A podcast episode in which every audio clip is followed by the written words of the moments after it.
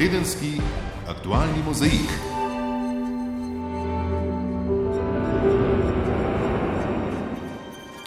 Spoštovane poslušalke, cenjeni poslušalci, za nami je le nekaj septembrskih dni, a po medijskih dogajanjih sodeč se zdi, kot da bi delali letni pregled dogodkov. Ne le, da je za nami prvi šolski dan. Šolsko nalogo COVID-19 se spopada vsa naša družba.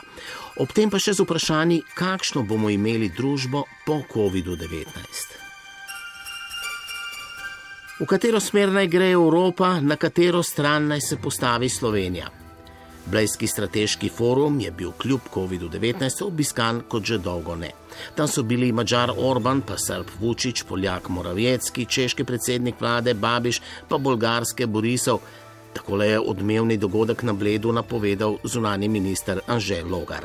Govorili bomo o naših strateških partnerjih, na prvem mestu transatlantskih, o našem povezovanju z podobno mislečimi državami in državami s podobnimi interesi. Med temi je strateški dokument izredno navedel države Srednje Evrope. Govorec zunanega ministrstva Saša Gržina je moral odgovarjati, zakaj je toliko gostov iz Srednje Evrope, tega prej nismo bili vajeni. Ne gre tukaj za uh, tako velike razlike med vzhodom in zahodom, kot je to mogoče vidno iz nekega medijskega ali pa notranje političnega odzivanja. Ali iz ust predsednika Boruta Pahorja. Tam, kjer je nekoč visela železna zavesa, utegne v prihodnje viseti neka žametna zavesa. Slovenijo je obiskal tudi francoski zunani minister Jean-Yves Le Drian. Smo res postali predmet zanimanja, ker je naša diplomacija bolj dinamična, kot smo je bili vajeni. Ali pa so pred nami odločitve, ki ne zadevajo samo nas.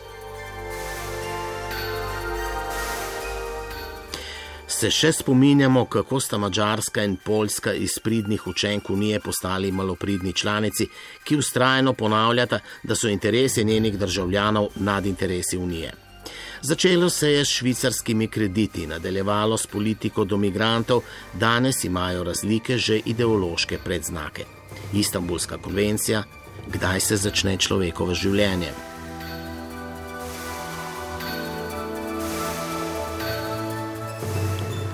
Slovenija si je pred sedmimi leti upala zaseči dokumente Banke Slovenije oziroma Evropske centralne banke, ker smo bili mnenja, da je cena, ki jo plačujemo za sanacijo bank, previsoka. Evropska generalna pravobranilka pa meni, da je bila hišna preiskava protizakonita.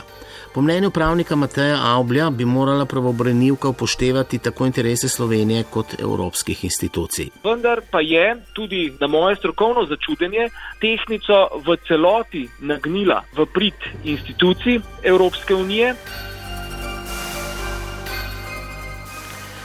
Da zadeve niso rožnate, govori dejstvo, da nam niti denar ni več na prvem mestu. Predstavljajmo si, kako bi bilo, če bi predsednik vlade pred leti ponudil rebalans proračuna s 4 milijardami primankljaja. Pa vendar 1. septembra sta se tudi uradno združili NKBM in A-banka. Njuna bilančna vsota znaša 8,5 milijarde evrov, slovenski bančni trg je tako dobil banko, ki se pomoči lahko meri z novo Ljubljansko banko.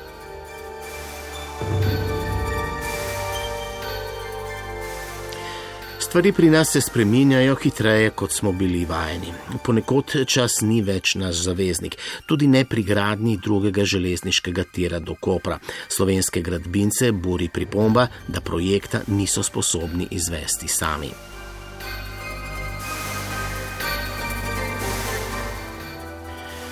Da se čas hitro vrti, lahko opazimo v naši okolici. Desetletja so minila, a zdaj se je le zgodilo. V pisarni ameriškega predsednika Donalda Trumpa sta predsednik Srbije Aleksandr Vučić in kosovski premijer Abdullah Hoti podpisala sporazum o normalizaciji gospodarskih odnosov. Torej, konec 100-odstotnih carin, obeta se vzpostavitev tako imenovanega mini Schengna, pa obnova starih in graditev novih prometnih povezav. Za skupne projekte bodo američani namenili več milijardno pomoč.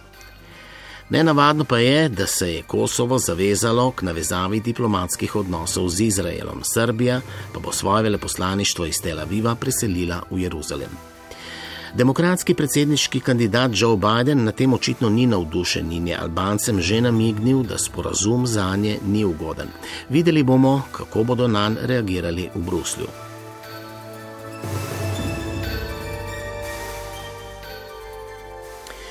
Se še spominjate, kako je Donald Trump pred leti na vrhu NATO v Varšavi pred seboj odrinil črnogorskega premijeja Markoviča.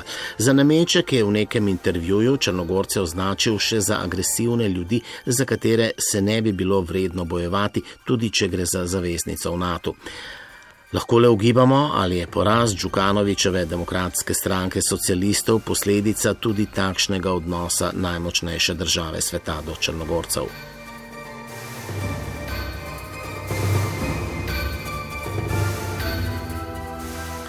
Milo Đukanovič do svoje prve službe predsednika vlade ni prišel na volitvah, ampak s pomočjo naroda, kot so konec 80-ih let na vzhodu takratne skupne države imenovali nasilne demonstracije. Kasneje pa je Črnogoro popeljal na drugo pot, stran od Miloševičeve politike, stran od Beograda, opravičil se za bombardiranje Dubrovnika, zagotovil zaščito manjšin, še posebej bošnjaške in albanske. A zdi se, da je nekoliko pozabil na svoje Črnogorce, ki še vedno v veliki večini govorijo srpsko in obiskujejo srpska crkvena bogoslužja. Ali bo opoziciji uspelo sestaviti vlado, v kateri bo, kot kaže, odločilni glas imel mladi Albanec Dritan Abazovič? Ali pa bomo prihodnje dni priča novemu merjenju moči in destabilizaciji te do zdaj najbolj ozorne kandidatke za članstvo v Evropski uniji? V naši tedenski oddaji se bomo spomnili tudi Angele Merkel, ki je pred petimi leti pozdravila prihod več kot milijona migrantov. Danes pravi, da bi to storila še enkrat. Pa o tem, ali so se v Kremlju želeli znebiti opozicijskega politika Navalnega, ameriški predsednik Trump pravi, da za to ni dokazal. A svet se ne vrti samo okoli velesil. Če kdo, smo to dokazali Slovenci. V francoski Gvajani so po več preložitvah izstrelili raketo Vega, na kateri sta tudi slovenska satelita Nemo HD in Trisat. Zgodba Trisat ni enkratni dogodek, ni utrinek na nebu, pač pa je začetek aktivnosti, ki bo pustila sled in pečat ne samo v delu Univerze v Mariboru, ampak tudi širše v slovenskem prostoru. Pravi rektor Univerze v Mariboru Zdravko Kačič. Lahko smo ponosni na našo znanost, kot tudi na vse naše dosežke, med drugim tudi tiste, ki jih te dni dosegajo naši kolesari, ko se uspenjajo in spuščajo po Pirinejih.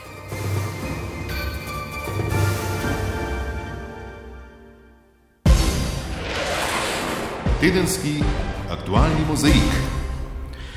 In zdaj k podrobnostim. Blejski strateški forum je imel tokrat, vsaj po nazivih, izjemno zasedbo. Kar sedem predsednikov vlad, dva predsednika držav in šest zunanjih ministrov. A nekateri med njimi ponujajo manj izjemno alternativo odprti evropski družbi. Vtis popravljata obisk vodje francoske diplomacije in napoved obiska predsednika avstrijske vlade slovenski diplomaciji okrepljene dejavnosti ne moremo očitati, a vprašanja glede usmeritve ostajajo, pravi v svojem komentarju Matjaš Trošt. Nesporna ugotovitev zadnjih dni in tednov bi morala biti, da ni vsaka alternativa dobra. Slovenski zunani minister povdarja, da vodi uravnoteženo zunanjo politiko, na kar kažejo številni sestanki tudi z ministri jedrnih držav Evropske unije. Čeprav je bilo po drugi strani v zadnjih dneh slišati ocene, da take države ne obstajajo. A obstajajo. Jedro Evropske unije predstavljajo države, ki so najbolj integrirane, kar Slovenija zagotovo je, in v svojem bistvu izpostavljajo pravila pravne države, odprtosti družb in svobodo medijev, kjer pa se bomo očitno še nekaj časa ukvarjali z vprašanji, ali smo res tam. Če se moramo spraševati, potem verjetno nismo. Očitno in nujno je, da se na tej točki pogovorimo o Donaldu Tusku. Poljak, nekdani premijer, voditelj Evropskega sveta, zdaj vodja največje evropske politične skupine, je nekdani borec proti komunistični represiji na Polskem, za Evropsko ljudsko stranko skoraj da liberalec, a predvsem človek jasnih in trdnih stališč, če jih primerjamo s stališči Zahoda Evropske unije. Trenutna polska oblast ga milo rečeno ne mara. Zakaj? Odgovor se skriva v nastavljanju ogledala, kar je storil tudi včeraj, ko je bil gost politične stranke Nova Slovenija. Dejal je, da imajo tako države članice Evropske unije kot stranke, ki so del Evropske ljudske stranke, včasih različne interese in nič ni narobe, če jih zasledujejo. A da, ko so pod udarom temeljne evropske vrednote, kot so svoboda govora, strpnost in vladavina prava, ni več prostora za pogajanja. Tudi francoski zunani minister Jean-Yves Le Drian je bil včeraj jasen: regionalno povezovanje v Uniji je smiselno, če krepi enotnost Evropske unije, kar je nedvomno dobro namerna in obenem jasna diplomatska ugotovitev, da v Evropski uniji obstajajo regionalna povezovanja, ki tega ne počnejo. Priznati je treba, da je trenutni slovenski zunani minister zelo spreten, zelo spreten govorec, ko prebira navedbe iz strategije slovenske zunanje politike in jih moli pod nos očitno slabo pripravljenim opozicijskim očitkom o premiku slovenske zunanje politike, počne le tisto, kar mora početi razlagalec smeri slovenske zunanje politike. Budimo realni, če se v zadnjih dneh ne bi pogovarjali o vsebini strategije, potem bršča sploh ne bi vedeli, da strategija povdarja, da imamo srednje evropsko identiteto in da je glede na geopolitični položaj Slovenija naravna partnerica držav Višegrajske skupine. A tu je seveda kleč. Vsega, kar napišete v strategiji, vendarle ne velja imati dobesedno. Nekaj vrstic prej strategija ponuja jasno stališče o tem, da je Evropska unija naše najpomembnejše vrednotno, politično in pravno okolje. In to okolje je povsem očitno in jasno. V njem Mačarska, Poljska in še nekatere druge izgubljajo sodne postopke na sodišču Evropske unije zaradi napačne interpretacije evropskih pravil. Če smo malo pikri, smo v tem pogledu po uspehih v Luksemburgu seveda dokaj blizu Višegrajcem, a vendarle vsebinsko in problemsko še vedno zelo daleč. V Evropski uniji sicer res ni prvo in drugo razrednih članic, so pa v njej izbrani voditelji in voditelji, ki jim ta naziv ne pritiče. Dobro bi bilo, da bi si Slovenija prizadevala vrednotiti besede in vizije tistih, ki pri nazivu voditelji nimajo navednic. Politika, ki v Evropski uniji vidi le črpališče denarja in obenem lahko tarčo za retorične napade brez kakršne koli odgovornosti, nima prihodnosti. Še več, Evropska unija kot simbol svobodnega, uspešnega in vrednotno sodobnega otočka v svetu ob taki politiki nima svetle prihodnosti. Končuje se javna razprava o predlaganih spremembah treh medijskih zakonov. Zakona o medijih, zakona o RTV Slovenija in zakona o slovenski tiskovni agenciji. Kritik je veliko, prav tako pozivov k popolnemu umiku predlogov. Zaenkrat Ministrstvo za kulturo o tem ne razmišlja. Več o tem Katja Arhar. Vrnimo se dva meseca nazaj, na začetek julija, ko je Ministrstvo za kulturo na portalu e-demokracija objavilo predloge sprememb štirih medijskih zakonov in sicer zakona o medijih, zakona o RTV Slovenija, zakona o slovenski tiskovni agenciji in zakona o audiovizualnih medijskih storitvah. Javna razprava je bila sprva dolga le pet dni, kar je, poleg vsebine, na noge dvignilo medije, stroko in ostalo zainteresirano javnost. Ker predlogi sprememb medijske zakonodaje niso bili ne koalicijsko, ne medresorsko usklajeni, se je koalicija poenotila, da se javna razprava za zakone o medijih RTV Slovenija in STA podaljša do 5. septembra. Pred in po tej odločitvi so deževale kritike in pripombe tudi na vsebino predlaganih sprememb. Če na kratko omenimo nekatere, z delom RTV prispevka bi sofinancirali slovensko tiskovno agencijo, del RTV prispevka bi se prenesel tudi na druge medije. Iz sistema RTV Slovenija bi izločili dejavnost oddajnikov in zvez, kar bi še dodatno finančno oslabilo javno RTV hišo, ki pa bi lahko povečala obseg oglaševanja. Spremenila bi se definicija javnega interesa. Direktorja Slovenske tiskovne agencije bi lahko kadarkoli zamenjal nadzorni svet, v katerem bi večino članov imenovala vsakokratna vlada. Zdaj se javna razprava končuje. Na Ministrstvu za kulturo so po besedah vršilca dožnosti direktorja direktorata za medije Ivana Ovna prejeli veliko pripomb. Pripombe sproti eh, beremo, preučujemo z nekaterimi eh, pripombodajalci in predlogodajalci eh, se tudi že usklajujemo, iščemo skupne stične točke, možne rešitve, da bi predlagane spremembe zakonov bile seveda možno jih prenesti v življenje. Največ pripomp je seveda na uh, spremenjen način uh, financiranja lokalnih uh, medijev, ki jih predlaga novela, to je, da če povem drugače, da se del prispevka, RTV prispevka, oduzame in nameni za, še za te druge namene. Ne. Natančna analiza pripomp in predlogov bo znana po koncu javne razprave, ki po mnenju profesorja novinarstva na Fakulteti za družbene vede Marka Milosavljeviča to sploh ni bila. To ni bila javna razprava, to je bil en pogovor na državnem odboru za kulturo, torej državnega zbora in en pogovor na državnem svetu. To za me ni javna razprava, ni bilo ne pripravljenih ne okroglih miz, ne soočenja česar koli. Ministrstvo za kulturo je zauzelo skrajno pasivno vlogo. Pričakujem pa in zdi se mi nujno potrebno, da seveda, če že ne SDS, da vsaj koalicijske partnerice uh, ugotovijo, da ti medijski zakoni dejansko niso neustrezno napisani, strokovno gledano, niso ustrezni za pravnega vidika, niso ustrezni za vidika evropskih pravil in evropskih direktiv, ki jih kršijo. Mislim, da tudi niso v skladu z, z ustavo. Skratka, tukaj je vrsta vidikov, potem so seveda strokovna vprašanja, slabe definicije, slabe opredelitve, luknje in tako naprej. In potem seveda pridemo še do dejansko možnosti oziroma velikega tveganja korupcije, ko govorimo o tem, da se zakon izkorišča a za povzročanje škode in uničevanje kritičnih medijev, kot so komercialne televizijske postaje, Pop TV, A kanal in tako naprej, kot so radijske mreže in kot so tiskani mediji, ki jih, kot da jih v zakonu praktično ni. Mediji izgubljajo avtonomijo, profesionalni novinari pa domovinsko pravico in predlagane spremembe to le še poslabšujejo, meni predsednica Društva novinarjev Petra Lesjak Tušek. Zato ne pretiravamo, če rečemo, da gre prav v tem trenutku za biti ali ne biti, za obstoj ali razkroj in da je treba odločno reči ne, zlasti udaru na javni servis, tako na RTV kot na STA in posledično tudi na celotno medijsko krajino in s tem vse ostale medije, ker tudi glede na to, da je predlagana tako radikalni poseg tudi v zakon o medijih, eh, seveda posegal v celoten medijski prostor. Zdaj je na potezi politika. Kljub številnim pozivom k umiku predlaganih sprememb iz postopka, tega na Ministrstvu za kulturo ne nameravajo storiti.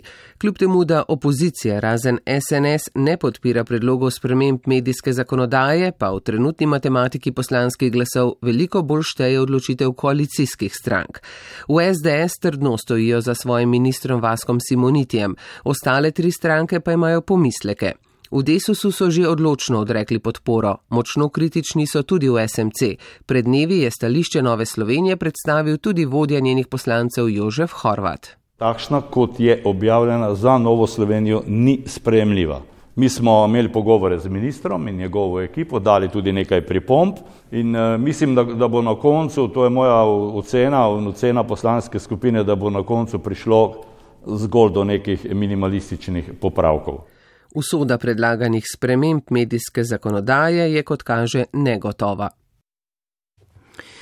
Zaradi pandemije COVID-19 se je slovensko gospodarstvo skrčilo za 13 odstotkov. Državne spodbude so v proračunu navrtele kar za dobre 4 milijarde evrov primankljaja. Za uravnoteženje javnih financ bo tako kot za okrevanje po pandemiji potrebnih kar nekaj let. Več zdenka bakalar.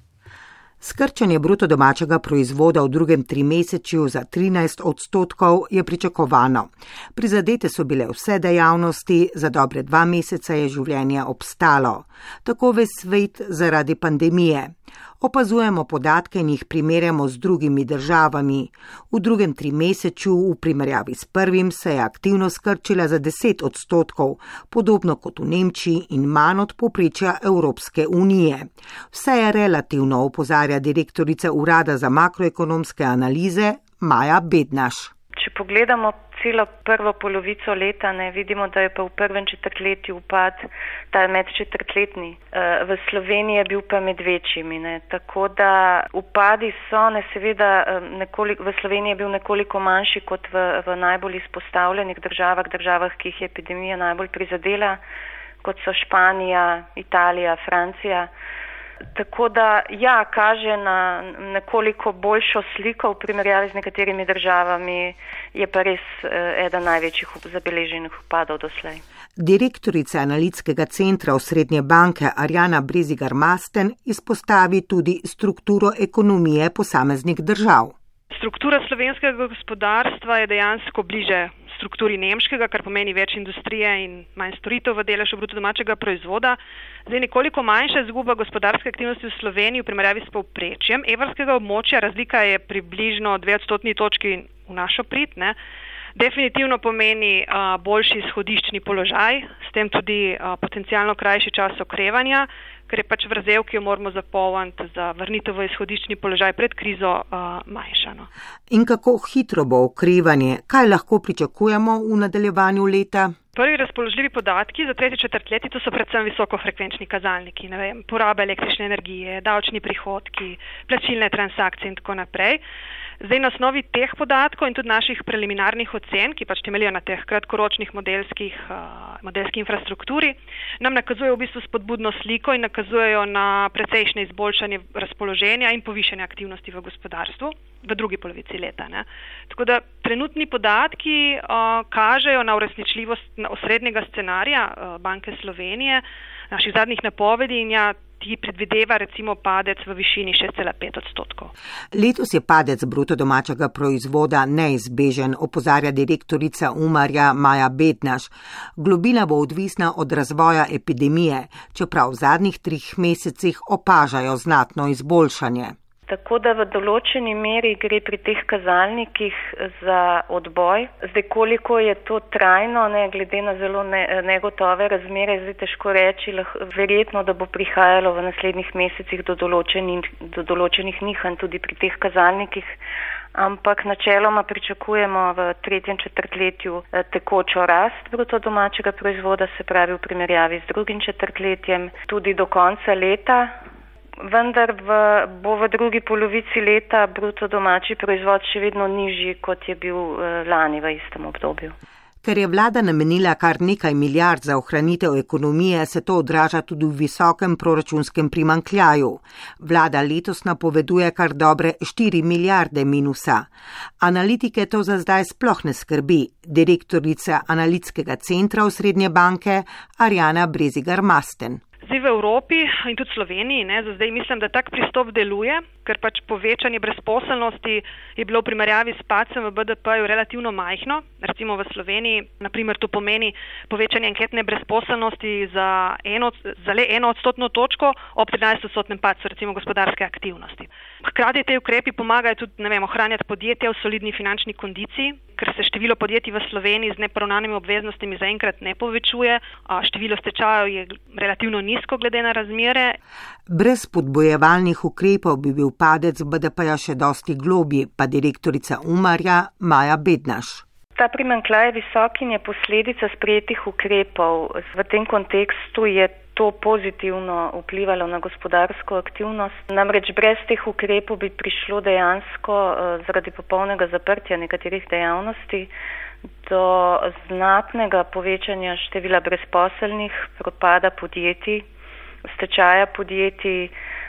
Pravzaprav je zelo težko oceniti. Modelske ocene kažejo, da bi brez ukrepov bil upad večji za tri odstotne točke, ampak dejansko, ker bi prišlo do, do propada določenih dejavnosti, bi bila gospodarska škoda znatno večja. Tako da v, v tej luči so, so je to povečanje izdatkov in s tem primankljaja uh, pozitivno vplivalo na gospodarsko aktivnost.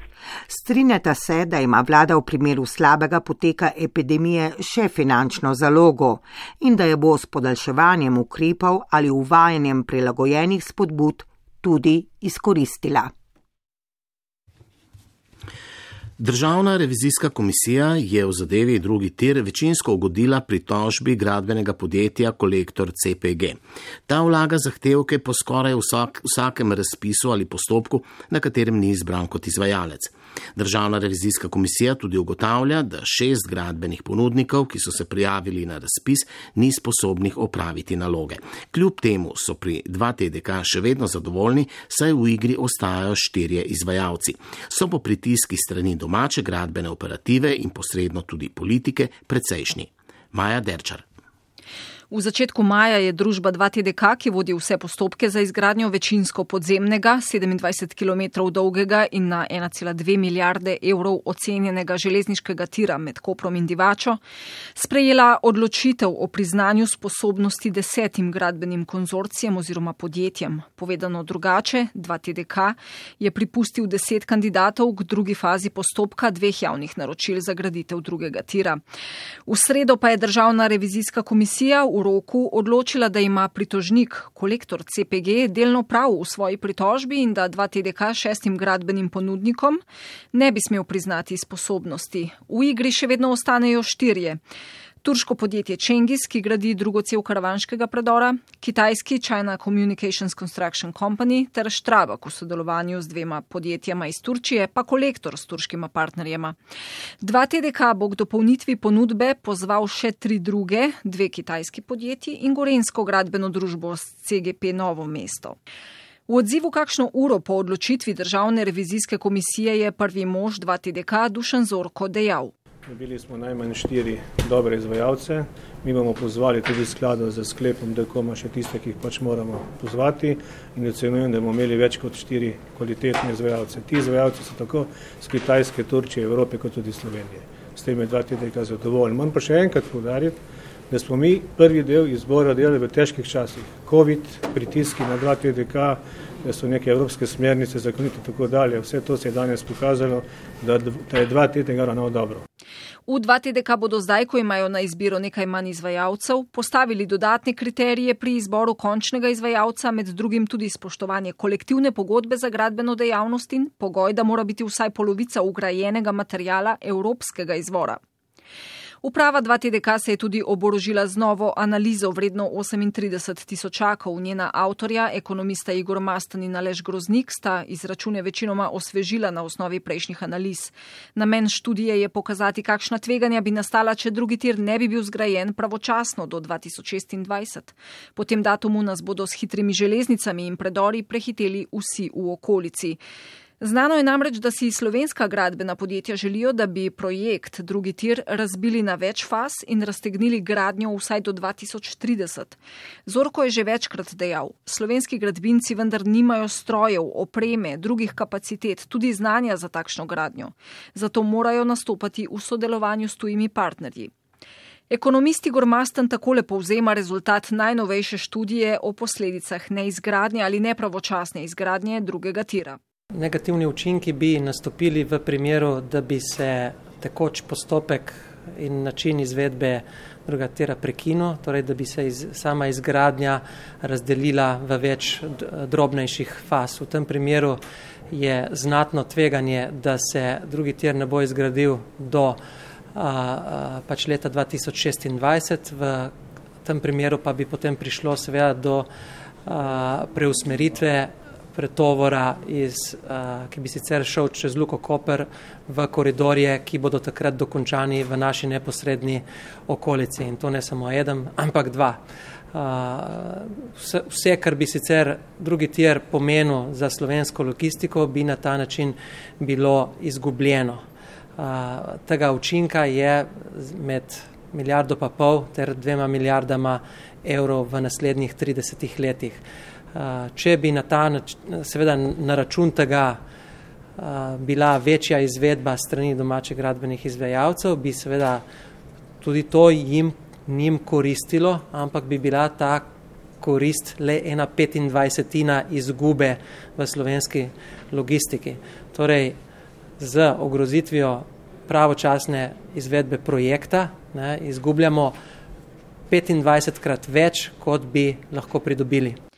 Drugi tir je projekt, ki je še vedno na udaru in prepihu močnih interesov. Morda ta študija ni zadnja, pač pa le dopolnjuje 43 metrov dolgo polico, na kateri je vsa do zdajšnja dokumentacija s številnimi analizami, na vseh piše drugi tir. Na Univerzi v Mariboru so izredno ponosni, da je v vesolje poletel satelit Trisat, ki je plot slovenskega znanja in so ga v celoti razvili na Mariborski fakulteti za elektrotehniko, računalništvo in informatiko skupaj s podjetjem Skylabs. Podrobneje o tem Tamara Zupanič Čučnik. Takole pravijo v svojem videospotu raziskovalci z Fakultete za elektrotehniko, računalništvo in informatiko Univerze v Mariboru. Drznili smo si na pot v vesolje, razvili smo nove tehnologije, premaknili smo meje miniaturizacije, postavili temelje za nove priložnosti, ustvarili smo majhen satelit s svetlo prihodnostjo. Vodja projekta docent dr. Istok Kramberger. Gre za satelit, ki je plod slovenskega uma in slovenskega znanja. Satelit sestavlja več kot 6000 komponent, ki tvorijo izjemno kompleksen sistem in tehtajo zgolj 3,8 kg. Satelit sestavljajo znanstveni prispevki raziskovalcev Univerze v Mariboru in prebojne tehnologije slovenske vesoljske industrije. Zato je ta dogodek pomembna prelomnica za slovensko znanost, za slovensko gospodarstvo. Gre za pomembno infrastrukturo, ki tokrat ni na našem planetu, je v vesolju. Pri tem se moramo zavedati, da smo z misijo TRISAT šele na samem začetku.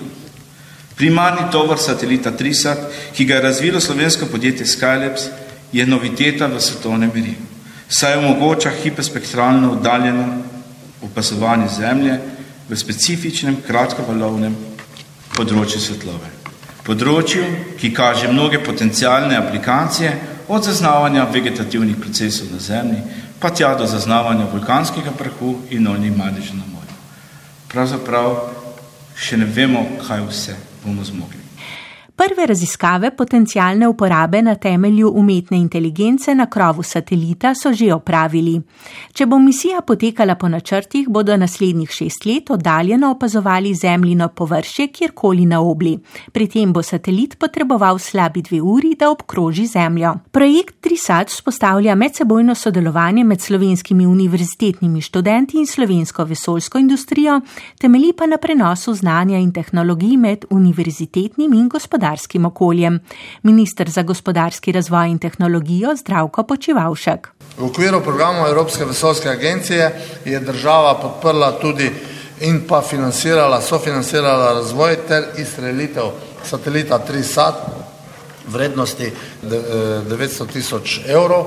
Zagotovila pa je tudi sredstva v višini 2,1 milijona evrov za izstrelitev satelita Nemo HD, ki je bil razvit v okviru Centra odličnosti vesolje.si.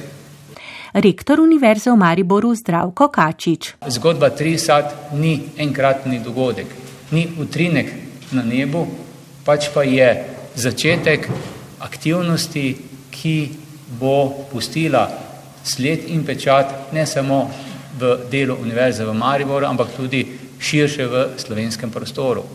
Mnogi študentje se že v času študija vključujejo v raziskovalno delo laboratorijev na Fakulteti za elektrotehniko, računalništvo in informatiko. Prodekan za izobraževalno dejavnost na Feriju, docent dr. Boštjan Vlaovič. Z različnimi dejavnostmi Akademije Feri, tudi med počitnicami, želimo mladim vliti več samozavesti za odločanje za univerzitetni študij, ki zagotavlja večjo izpostavljenost znanstveno-raziskovalnemu delu in vodi do tovrstnih uspehov.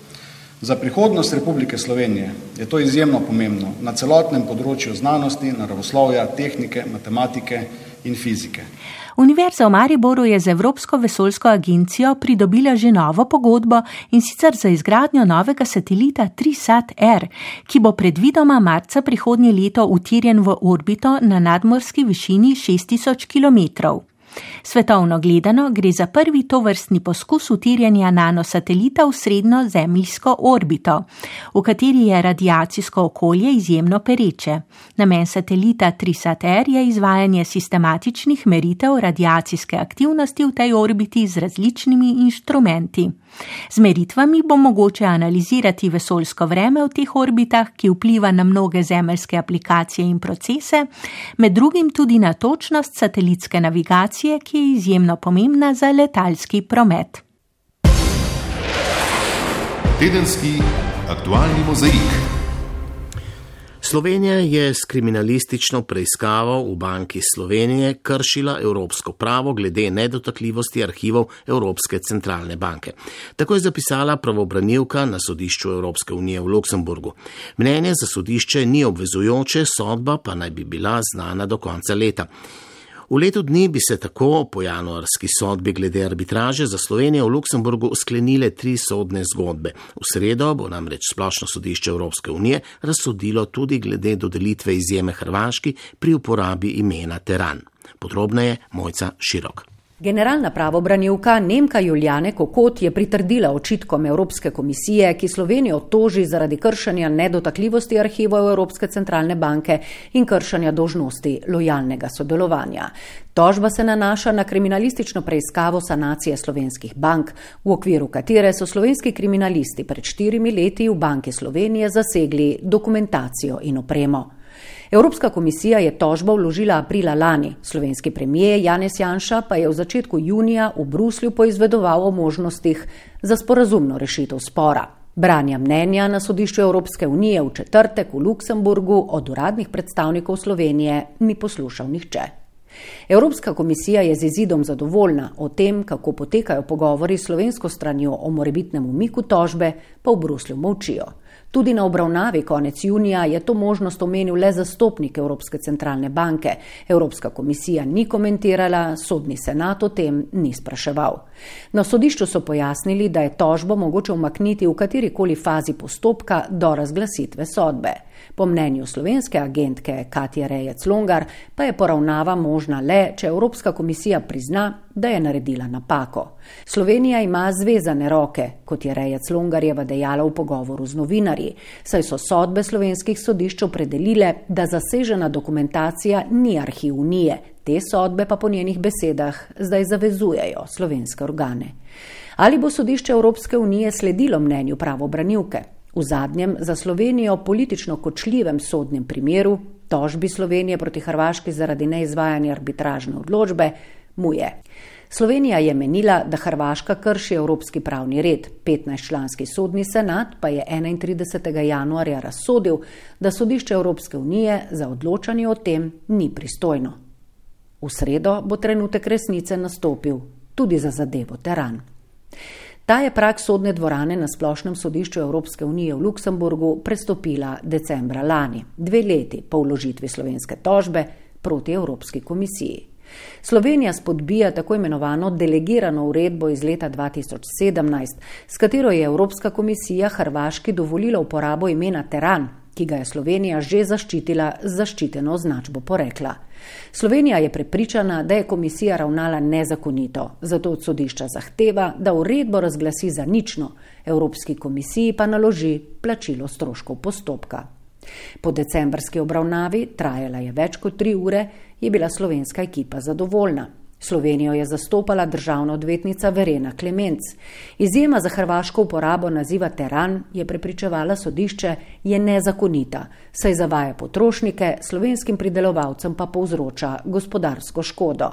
Sklicevala se je na primer, ko je Slovenija zahtevala izjemo za vino Modra Portugalka, a jo je komisija zavrnila, ker ime vsebuje del zaščitenega portugalskega naziva. Evropska komisija, zastopala jo je agentka Barbara Rose, slovenka, ker mora po pravilih sodišča komisija govoriti v jeziku postopka, je zavrnila očitke, da je prekoračila pooblastila, saj da je morala upoštevati zaščito Slovenije, a hkrati zagotoviti, da se Hrvaška ne bi znašla v slabšem položaju. Upala pa je tudi, da bosta državi sami našli sporazumno rešitev. Hrvaška v tem postopku sodeluje na strani Evropske komisije. Sodni senat sestavlja pet članov, edina ženska članica, Latvika Inga Rajne, je tudi poročevalka. Njena vprašanja na obravnavi so bila zelo podrobna. Čigavi odgovori so senat prepričali, pa bo znano že čez štiri dni. Zaradi zastrupitve najvplivnejšega ruskega opozicijskega voditelja Alekseja Navalnega je Evropska unija pozvala Rusijo k pregledni in celoviti preiskavi zastrupitve. V Bruslju bodo počakali na izsledke, preden se bodo odločili za morebitne sankcije. Nemška vlada pa je v sredo sporočila, da je preiskava, ki so jo izvedli v laboratoriju nemške vojske, nedvomno pokazala, da je bil ruski opozicijski politik zastrupljen živčnim strupom iz skupine Novičok. Kremelj vse obtožbe ustrajno zavrača. Več o tem Miha Lamprecht. Igra prestolov je fantazijski roman, ki je doživel uspešnico v istoimenski televizijski nadaljevanki. Spopad sil na ruskem političnem odru se včasih zdi kot fantazijska nadaljevanka, vendar nas razvoj dogodkov vse le strezni in opomni, da gre za hudo resen in brezkompromisen spopad. Večina igralcev je vidna, del njih deluje iz ozadja, brezimno, a z velikim učinkom in posledicami. Vedno je seveda vprašanje političnih vložkov in kam gredo dobitki, kdo so poraženci in kdo zmagovalci. Glasnik Kremlja Dmitri Peskov se je na nemške obtožbe odzval kratko in jedrnato. Uh, no, ja bi zdaj akuratno govoril nasot obvinjenja rusijskega gospodarstva. Previdno bi govoril o obtožbah na račun ruske države. Kot prvo, zakaj takega ni prav nobenih razlogov in nadalje, v zvezi s tem niti nismo pripravljeni sprejeti kakršnih koli obtožb. Opozicijskega voditelja so onesposobili ob koncu njegove predvoljivne kampanje v Sibiriji, ko je letalo zaradi njegove hitne slabosti 20. augusta moralo pristati v Omsku. 13. septembra bodo regionalne volitve in Aleksej Navalni, ki je leta 2013 s 27 odstotki glasov dosegel tudi drugi rezultat na lokalnih volitvah v Moskvi in leta 2018 ni smel kandidirati na predsedniških volitvah, je tokrat poskrbel za novo predvoljivno taktiko. Kot vodja protikorupcijskega sklada je trnil peti ruski oblastni vrhuški in njenih simpatizerjev. Tokrat pa je s projektom tako imenovanega pametnega glasovanja agitiral pri voljivcih in jih pozval, da naj ne volijo kandidatov, ki so kakorkoli povezani s Kremljem, to je z aktualnim predsednikom Putinom. Hkrati je organiziral mrežo več kot deset tisoč prostovoljcev, nedavni ustavni referendum o podaljšanju Putinovih predsedniških mandatov pa je označil kot ustavni prevrat in farso. Navalnega so neznanci že leta 2017 po obrazu polili s kemijsko raztopino, da so mu komeda rešili vid. Večkrat je bil zaprt, njegovega najtesnejšega sodelavca, Kara Murzo, so dvakrat zastrupili, leta 2015 in 2017. Če spomnimo, da je bil leta 2015 nedaleč Kremlja ustreljen obetavn opozicijski vodja Boris Nemcov, podoba uničenja političnih nasprotnikov postane še bolj groteskna. Kdo bi lahko stal za tem? Kdo ima od tega korist ob dejstvu, da nobena preiskava ni dala konkretnih rezultatov, ali pa so obsodili neke, recimo, dežurne krivce? Obtožbe o uporabi žilčnega strupa novičok, v prevodu novinec ali začetnik, kažejo, da se z njim lahko ukvarjajo samo profesionalci. To je strup s prstnim odtisom. Ruski vojaški analitik Pavel Felgengauer sicer dopušča možnost, da bi lahko strup dveh komponent sovjetske izdelave nekdo dostavil na črni trg, S tem je sledljivo za vse le izbrisana. Teze, da bi lahko Navalnega zastrupili zunani, ne ruski plačanci, da bi s tem spodbudili zahodne sankcije, onemogočili dokončanje projekta Severni tok 2 in diskreditirali Putinov režim, se zdijo malo verjetne. Severnoatlantski svet je na petkovem zasedanju podaril, da ni sence dvoma, da gre pri Navalnem za vojaški strup iz skupine Novičok. Rusija pa mora po besedah generalnega sekretarja Stoltenberga sodelovati v celoviti preiskavi pod okriljem organizacije za prepoved kemijskega orožja. Kakorkoli obračamo, 44-letni Aleksej Navalni bi lahko na regionalnih volitvah izval oblast v Kremlju. Tako pa najbrž še nekaj časa, če sploh, ne bo imel možnosti političnega delovanja. S tem pa je tudi na dlani, komu v igri prestolov njegova odstranitev politično ustreza. Nemčija je močna država, mi to zmoremo, je pred petimi leti dejala nemška kanclerka Angela Merkel, ko so na vrata razvite Evrope trkale množice beguncev in migrantov. Izjava je sprožila različne odzive, kmalo pa sta Nemčija in Avstrija res odprli vrata za povečini sirske, afganistanske in iraške begunce, ki so obtičali na mačarskem. Več rajka prvanje. Wir haben so vieles geschafft, wir schaffen das. Wir schaffen das und wo uns etwas im Wege steht, muss es überwunden werden, muss äh, daran gearbeitet werden. Merklova je s temi besedami sprožila tako izjemno pozitivne kot negativne odzive. Mitja Žagar z Inštituta za narodnostna vprašanja. Izjava nemške kanclerke Angele Merkel, da mi to zmoremo, je zgodovinsko pomembna in tudi prelomna. Prvič zaradi tega, ker potrjuje, da razvite evropske države dejansko zmorejo vključiti in integrirati begunce, zlasti begunce iz kriznih območij, če se za to odločijo. Drugič je ta izjava pomembna zaradi tega, ker se v Evropi še vedno premalo zavedamo, da zato, da bi lahko ohranili sedanjo življenjsko raven in sedanjo raven gospodarskega razvoja, nujno potrebujemo migrante iz drugih delov sveta. Seveda so najbolj zaželjeni tukaj migranti z oči evropskih politikov iz drugih delov Evrope, vendar pa nujno potrebujemo tudi migrante, ki prihajajo v Evropo zunaj Evrope. Nemška civilna družba se je na besede kanclerke odzvala z navdušenjem in optimizmom. Številne Nemce je Merklova spodbudila k nesebični pomoči beguncem. Začetni optimizem je s časoma začel plahneti. Vladne institucije so bile preobremenjene, zdelo se je, da ne bodo kosi zivu. Ob tem so številne evropske države začele uvajati stroge mejne nadzore, nekatere so na mejah postavile ograje. Marsikje tudi v Nemčiji so se ukrepili skrajno desni populisti. V tej državi se je močno ukrepilo tudi nasilje nasilje desničarskih skrajnežev, javna podpora Merklovi je začela padati.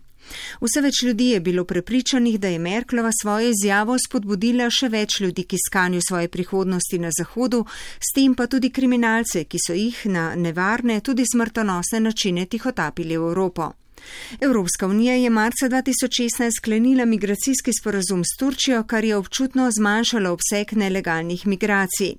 Nemčija je od leta 2015 prejela 1,7 milijona prošen za azil in s tem postala peta država z največ begunci. Sprejeti begunce pa ni dovolj, za nje je treba tudi ustrezno poskrbeti jih, integrirati v družbo. Mitja Žagar z Inštituta za narodna vprašanja. Mislim, da je Evropa v veliki meri padla na tem izpitu. Mogoče v posameznih segmentih so bili posamezni uspehi, v celoti gledano pa je Evropa padla. In ni padla samo v tem zadnjem migranskem valu, ampak je padla že tudi v preteklosti, ker se zlasti kaže v tem, kako se nekateri v drugi, tretji, celo četrti generaciji imigrantov še zmeraj počutijo izključene, drugačne, nezaželene v naših družbah. Če bi bile integracijske politike uspešne, bi se tako migranti počutili tukaj doma in vključeni, kot tudi večinsko prebivalstvo bi sprejemalo te migrante kot del naše skupnosti, naše družbe, naše kulture. Čeprav se po petih letih najstrašnejše napovedi o naraščajočem kriminalu in terorističnih napadih niso uresničile, je nemški gostoljubnosti kmalo začel padati zagon. Tako je marca letos nemška vladajoča koalicija glasovala proti temu, da bi od Grče prevzeli le borih 5000 beguncev. Prav tako so zagnali medijsko kampanjo, ki bi sirske begunce odvrnila od poti v Evropo. Merklovi, ki v prihodnem letu ne namerava več kandidirati, pa je podpora ob epidemiji koronavirusa v novič narasla. Tedenski aktualni mozaik. Kolesari na dirki po Franciji so z današnjo osmo etapo vstopili v drugo tretjino tritedenskega maratona. Ko takšni dirki pritiče, je že v prvem tednu postregla z obilo dogajanja, veselja in drame. Kar pa je letos za slovensko občinstvo drugače kot prejšnja leta, pa je to, da sta v vlogi favorita za mesto na zmagovalnem modru kar dva slovenca, Primoš Roglič in Tadej Pogačar. Več o letošnjem utripu na dirki pa Igor Tominec. Še nekaj dni pred začetkom dirke prvi kolesar na svetovni lestvici Primoš Roglič sploh ni mogel potrditi nastopa na dirki po Franciji, ko je še preboleval posledice paca na zadnji pripravljalni dirki po Dauphineji. Ljubitelji kolesarstva so bili v precejšnji negotovosti, dokler ni na koncu, šele dva dni pred startom unici, vendarle potrdil svoj nastop. Ta padec je kar nekaj stvari spremenil, potreboval sem kar nekaj časa, ampak na koncu sem tu, sem opravil tisto, uh, kar sem želel. Tako da ja, uh, gledam optimistično sedaj, uh, pred samim štartom. Morda sta bili prvi dve etapi z njegovega zornega kota še nekoliko previdni, zlasti uvodna deževna, ko je Roglič svojim moštvom Jumbo Visma umirjal ritem v spredju in z gestami tekmecem, ki so se spustov lotevali preveč divje in padali po spolskem asfaltu, nakazal, da se ne odloča vse že prvi dan. Ko pa je zasavec dobro preizkusil svoje noge, se mu je samozavest hitro vrnila. Že v četrti etapi, ki je bila prva s ciljem na klancu, sta Primoš Roglič in tudi Tadej Pogačar pokazala, iz kakšnega testa ima trenutno Slovenija najboljše kolesarje. Z dvojno zmago sta nakazala, da bi letošnji tur res lahko bil slovenski. Že na prvi pravi gorski etapi tukaj v francoskih Alpah prvi roglič, drugi pogačar, pa kje so druge kolesarske nacije? Neverjetno! Pač ni se točno vedelo, kako se bo res eh, celotna etapa odvijala, ampak eh, na koncu smo se res eh, udarili lahko za zmago in celoten tim je pokazal res super pripravljenost, so si fantje, uh, so naredili, kar je bilo treba in sem vesel, sem lahko na koncu jaz dodal piko na i. Do včerajšnje etape se je vse za oba slovenska duta v skupnem seštevku odvijalo po sanskem scenariju. Roglič na drugem mestu, Pogačar na tretjem, odgovornost branjenja rumene majice pa je bila na Britancu Adamu Jejcu. No vsaka dirka postreže tudi zapleti in smolo in tako je včeraj Pogačar zdrsnil iz ospredja, saj se mu je primerila težava s pneumatiko in to ne prva na letošnji dirki. Potem, ko se je vračal v glavnino, pa se je v vetrovni etapi zgodil napad tekmecev, ki ga Pogačar ni uspel pokriti, tako da je včeraj izgubil minuto in 20 sekund. Ob številnih težavah s kolesom pri Pogačarju v prvem tednu so se že pojavila ugibanja o slabem materialu na njegovem kolesu. Ja, to je pač del eh, kolesarstva. Um, nesrečo v tem zadnjem tednu eh, s štirimi defekti, ampak. Uh, Ja, nič ni narobe z mojim zadnjim kolesom, vsak dan imam nov tubular, tako da ja, pač uh, nesreča je del tega športa. Poleg omenjene dvojice ima Slovenija še tri predstavnike na turu Jana Polanca, Mateja Mohoriča in Luko Mezgeca. Vsi so za zdaj svoje delo opravili z odliko. Ko tole snemamo, se končuje osma etapa, ki poteka v Pirenejih, kjer bodo kolesari danes in jutri. Potem pa se bodo po srednji Franciji podali nazaj v Alpe in na to na sever do cilja v Parizu 20. septembra. Tedenski aktualni mozaik.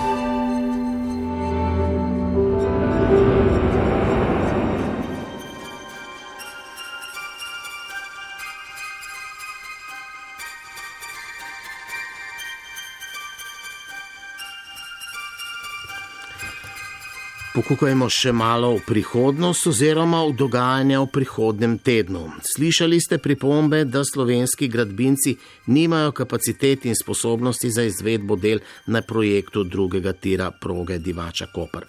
V ponedeljek bodo na novinarski konferenci pojasnili, kaj si mislijo o teh pripombah. V torek prihaja na obisko Slovenijo predsednik avstrijske vlade Sebastian Kurz. Sodišče Evropske unije se bo v sredo izreklo glede uporabe imena Teran. Pozornost mednarodne javnosti bo uperjena tudi v to, kaj so se v Washingtonu dogovorili predstavniki Beograda in Prištine, pa tudi v ruske regionalne volitve, ki bodo prihodno nedeljo. Končal se bo Beneški filmski festival. In ob tem naj vas povabim tudi k poslušanju ponedeljkovega studija ob 17. ko bomo govorili o izteku javne razprave o medijski zakonodaji. Za danes pa se poslavljamo in vam želimo še naprej lep dan. Matjaš Trošt, Katja Arhar, Zdenka Bakalar, Tamara Zupani Čučnik, Maja Derčar, Mojca Širok, Mihal Aprek, Rajka Prvanje, Igor Tominec, tehnik Matjaš Polak, urednica Erika Štular, moje ime je Marjan Vešligaj.